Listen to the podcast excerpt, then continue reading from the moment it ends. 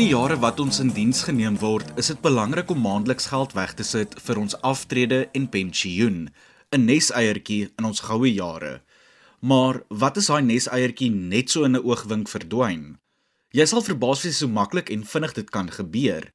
Bly ingeskakel want in vanmiddag se rand en sent gesels ons oor maniere wat die staatspensioenfonds sy lede beskerm teen bedrog en kansvatters. Hallo, ek is Adrian Brandt en ek kuier saam met jou in Rand en Sent op RSG. Vanmiddag se program word aan jou gebring in samewerking met SABC Opvoedkunde en die GEPF.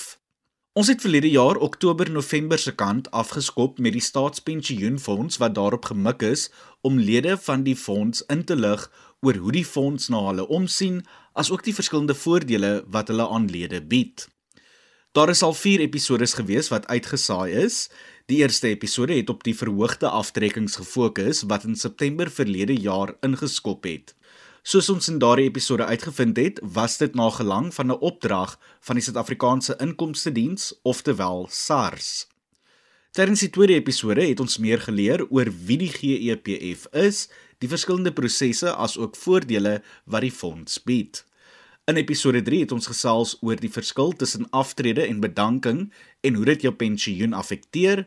En voordat ons 'n breek geneem het met die reeks in Desember, het episode 4 van die reeks op ongeëiste voordele gefokus.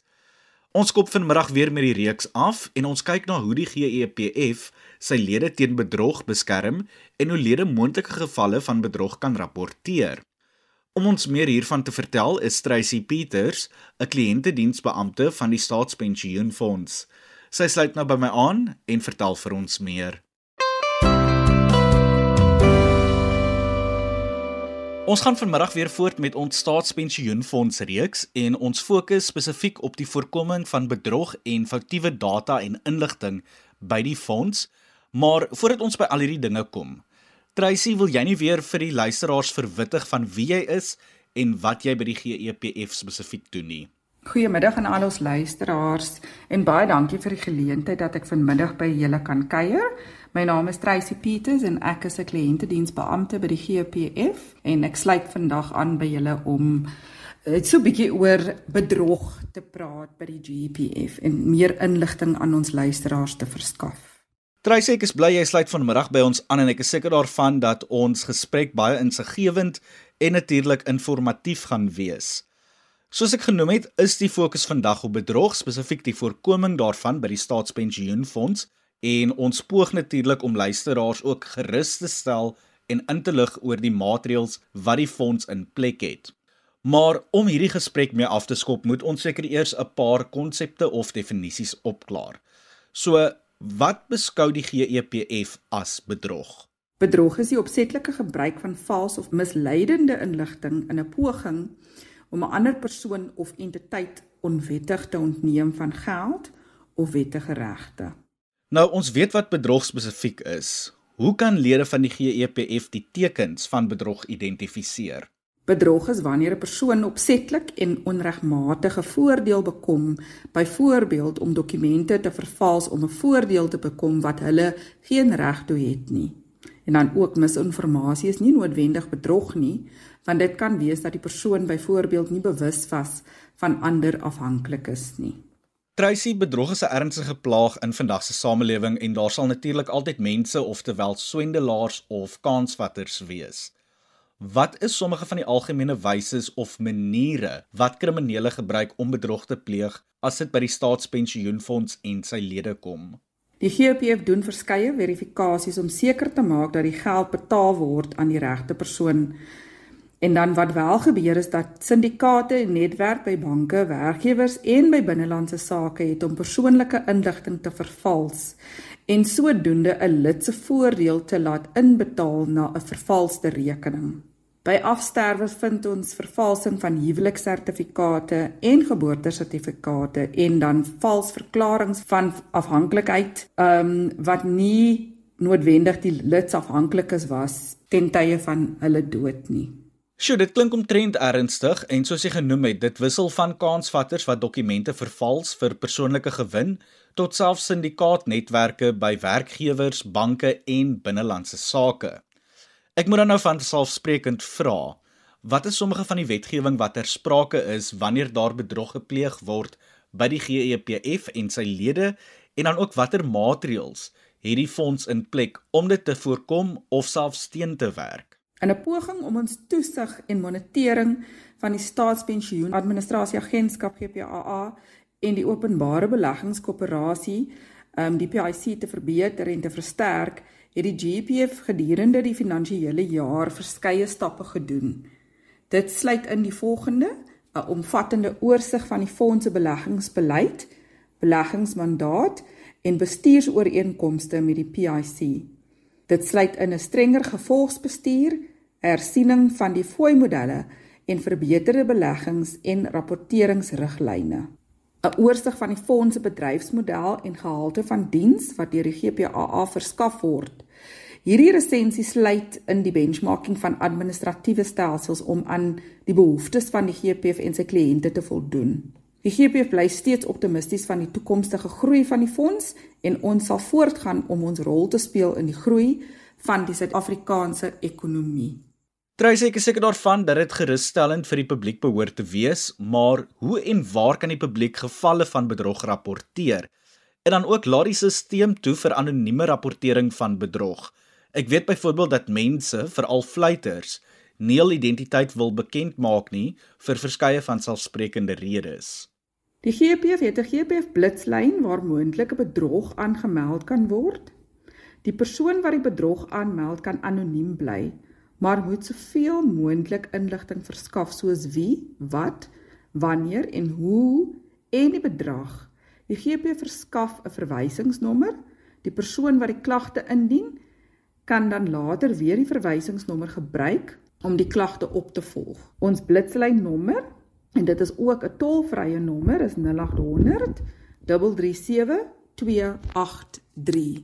Indien jy daardie nommer gemis het, dit is 0800 337 283.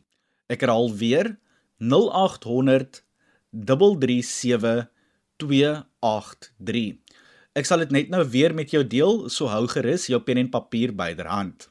Terug by die gesprek. Tracy, hoe en waar kan pensioenvorms ingehandig word? Bydraende lede van die fonds word aangemoedig om hul vorms via hul menslike hulpbron afdelings in te dien wat op hul beurt die dokumente by die GPF sal indien via die kliënte skakelbeampte wat verantwoordelik vir daardie departement is.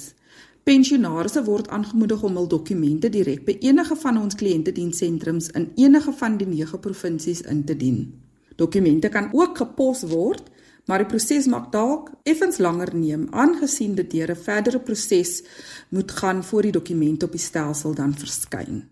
So die afleiding wat ek maak is dat die GEPF lede hul dokumente, besonderhede en details slegs met julle of mense wie hulle vertrou moet deel, maar ons weet mos dat daar hier en daar gevalle is waar mense ingeloop word. Soos byvoorbeeld Die GEPF het kliëntediensbeampte soos jy Tracy wat met die publiek werk. Hoe kan die publiek tussen julle en kriminele onderskei aangesien julle nie noodwendig aangesig tot aangesig kommunikeer nie en kommunikasie dikwels via e-pos of byvoorbeeld telefoonoproepe geskied? Eerstens is GPF dienste gratis. Niemand word toegelaat om 'n fooi te vra om huidige en voormalige lede pensionarisse, begunstigdes en hul gesinne by te staan vir die GPR verwante dienste nie. Tref die nodige voorsorgmaatreëls om jou persoonlike inligting soos identiteitsdokumente sowel as jou bankbesonderhede te beskerm en moenie dit met ongemagtigde persone deel nie.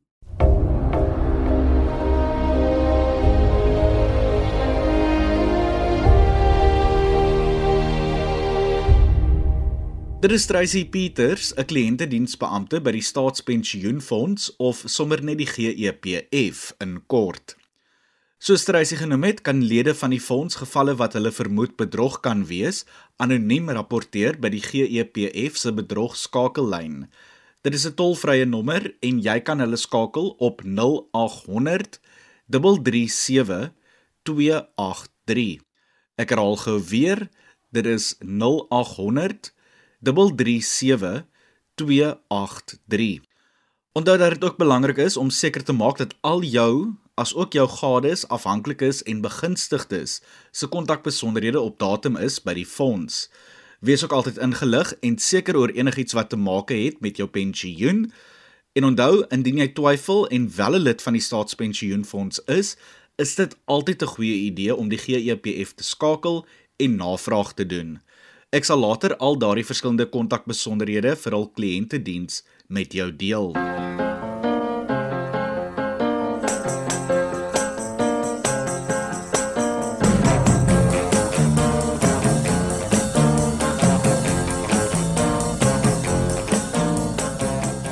Jy is ingeskakel op RSG en jy kuier saam in Rand en Sent saam met my Aryan Brandt en my staatspensioenfonds gas Tracy Peters.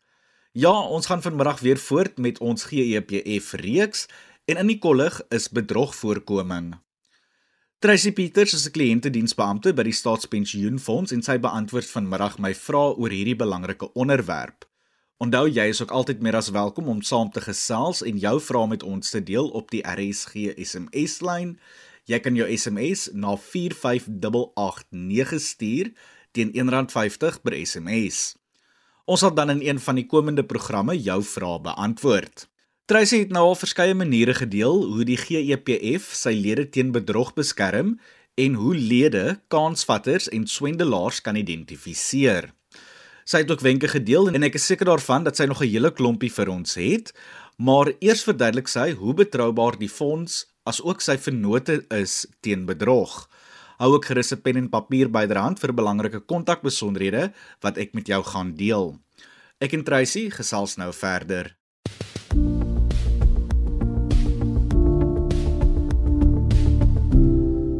Tracy, wat kan die publiek doen om bedrog en gevalle van valse inligting te voorkom by die pensioenfonds? Wat is die basiese dinge? Ek dink nou byvoorbeeld om nie net sommer persoonlike data rond te laat lê of met enige iemand te deel nie. Het jy dalk enige ander raad of wenke wat jy met die luisteraars en lede wil deel? Hier gaan ek heelwat inligting deel. Maak seker dat kontakbesonderhede op datum gehou word by die werkgewer. Binnelandse sake, SARS as ook by die GPF. Maak seker dat die besonderhede van alle afhanklikes as ook gade op datum gehou word by die werkgewer. Binnelandse sake en SARS as ook by die GPF maak ook seker dat die nominasievorm op datum gehou word. Maak seker dat die lede die GPF aanlyn toep gebruik waar hulle sekere inligting rondom hulle persoonlike profiel kan opdateer. Die volgende episode sal meer inligting verskaf omtrent die aanlyn toep. Lede moet ook versigtig wees vir enige derde partye wat aan lede geld leen teen hulle pensioen. Ons het al ondervind dat lede tot op 75% van hul gratifikasie verloor het as gevolg van rente. Wanneer lede hulle pensioen na 'n goedgekeurde pensioenfonds oorplaas, moet hulle seker maak van die persentasie kommissie wat geëis word of daar 1/3 betaal word op uitkeer en of daar enige maandelikse bydraes of aftrekkings is. Sulke aspekte is nie bedrog nie, maar lede het al baie finansiële verliese gely. Daar is ook baie finansiële adviseurs wat bedrog pleeg deur hulle te voordoen dat hulle vir die GP werk en dan doen hulle aanbiedings van GP voordele wat nie GP voordele is nie of deur die GP onderskryf word nie. Indien lede nie seker is van die persoon van die GP is nie, kontak asseblief um, op ons bedrog hulplyn. Dankie vir daardie wonderlike wenke Tracy. Ek dink nie ons kan genoeg oor vandag se onderwerp van bedrog, swendelery en kansvatters gesels nie. Soos jy ook genoem het, om jou details op dokumentasie en profile by instellings soos byvoorbeeld jou werkgewer, die GEPF, SARS, banke en dies meer op datum te hou, is ook natuurlik van kardinale belang. Tracy, wie bestuur en hanteer die aanmelding van gevalle van bedrog en wat is die implikasies of gevolge wanneer iemand bedrog pleeg by die pensioenfonds? Die GEPF het 'n interne forensiese afdeling wat ondersoeke hanteer. Indien genoeg bewyse gevind word, word dan dan 'n saak by die SAPS oopgemaak waarna die SAPS die saak dan verder sal hanteer. So watter bedrog en korrupsievoorkomingsstelsels en maatreëls word in plek gestel om die stelsel van kwesbaarheid en manipulasie te voorkom? In 'n poging om ons toesig en monitering van die Staatspensioenadministrasie Agentskap GPAA en die Openbare Beleggingskoöperasie PIC te verbeter en te versterk, het die GPF gedurende die finansiële jaar verskeie stappe gedoen. Dit sluit die volgende in: 'n omvattende oorsig van die fonds se beleggingsbeleid, beleggingsmandaat en bestuursooreenkomste met die PIC. Dit sluit in 'n strenger gevolgsbestuur, hersiening van die fooi modelle en verbeterde beleggings- en rapporteringsriglyne. 'n Oorsig van die fonds se bedryfsmodel en gehalte van die diens wat deur die GP verskaf word. Hierdie resensie sluit in die benchmarking van die administratiewe stelsel om aan die behoeftes van die GP en sy kliënte te voldoen. Tracy, wil jy ons nie vinnig vertel van die rolle en pligte van ander organisasies wat ook betrokke is by die staatspensioenfonds nie? Jy het al genoem dat instellings soos byvoorbeeld SARS, banke, die Staatspensioen Administrasie Agentskap oftewel die GPAA en natuurlik ook die Openbare Beleggingskorporasie oftewel die PIC ook verhoudings met die GEPF het. Die werksverhouding in die algemeen tussen die PIC en die GEPF is 'n normale een tussen 'n bate-eienaar en batebestuurder soos enige ander pensioenfonds en sy beleggingsbestuurder. Spesifieke wetgewing GPF wet beheer dit in teenstelling met die wet op pensioenfonds. Die GPF raad en bestuur het 'n aantal meganismes ingestel om te verseker dat die batebestuurders soos die PIC wetgewing in die mandate voorsien word. Die bestuursprosesse is vervat in die opdrag van die beleggingskomitee of die betrokke raadshandves. Sommige van ons strukture en prosesse sluit in raad aan direkte direksievergaderings, exco to exco vergaderings, gesamentlike en afsonderlike beleggingskomitee vergaderings, subkomitees as ook audit en risikoprosesse. Dit is strukture en prosesse wat eintlik bestaan in hoe die verhouding tussen die GPF en die PIC word bestuur. Dit is belangrik om daarop te let dat die PIC verplig is om beleggings en beide genoteerde en ongenoteerde bates volgens sy beleggings en bestuur te maak. Tracy ten slotte, wanneer en hoe word die staatspensioenfonds geauditeer en dan ook hoe gereeld gebeur hierdie auditproses? Die raad moet jaarliks die ouditeure van die fonds aanstel. Die ouditeure moet binne 'n tydperk van 6 maande na die einde van die betrokke finansiële jaar 'n verslag op die jaarlikse finansiële state van die fonds opstel.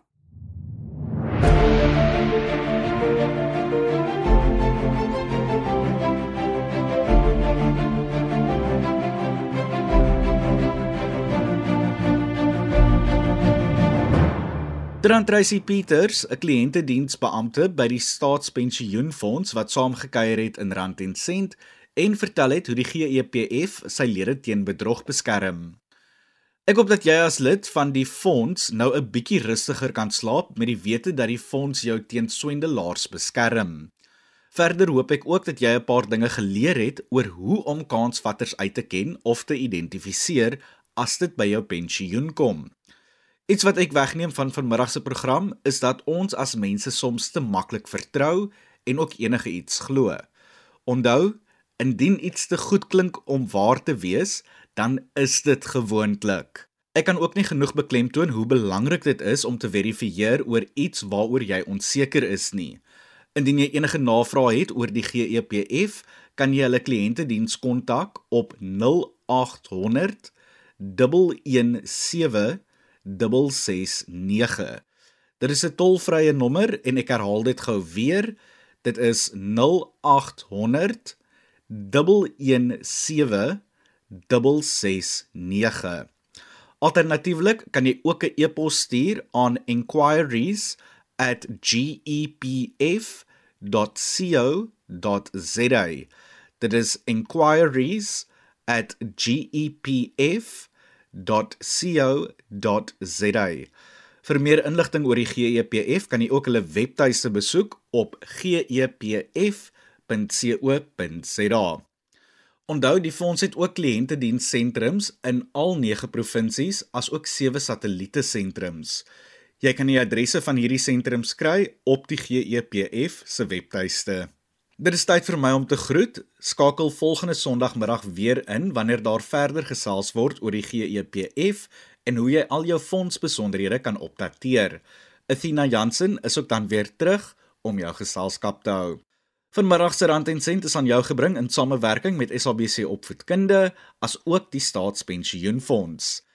Dit was dan al van my kant af. Tot 'n volgende keer. Geniet die res van die middag in die geselskap van RSG en mooi loop.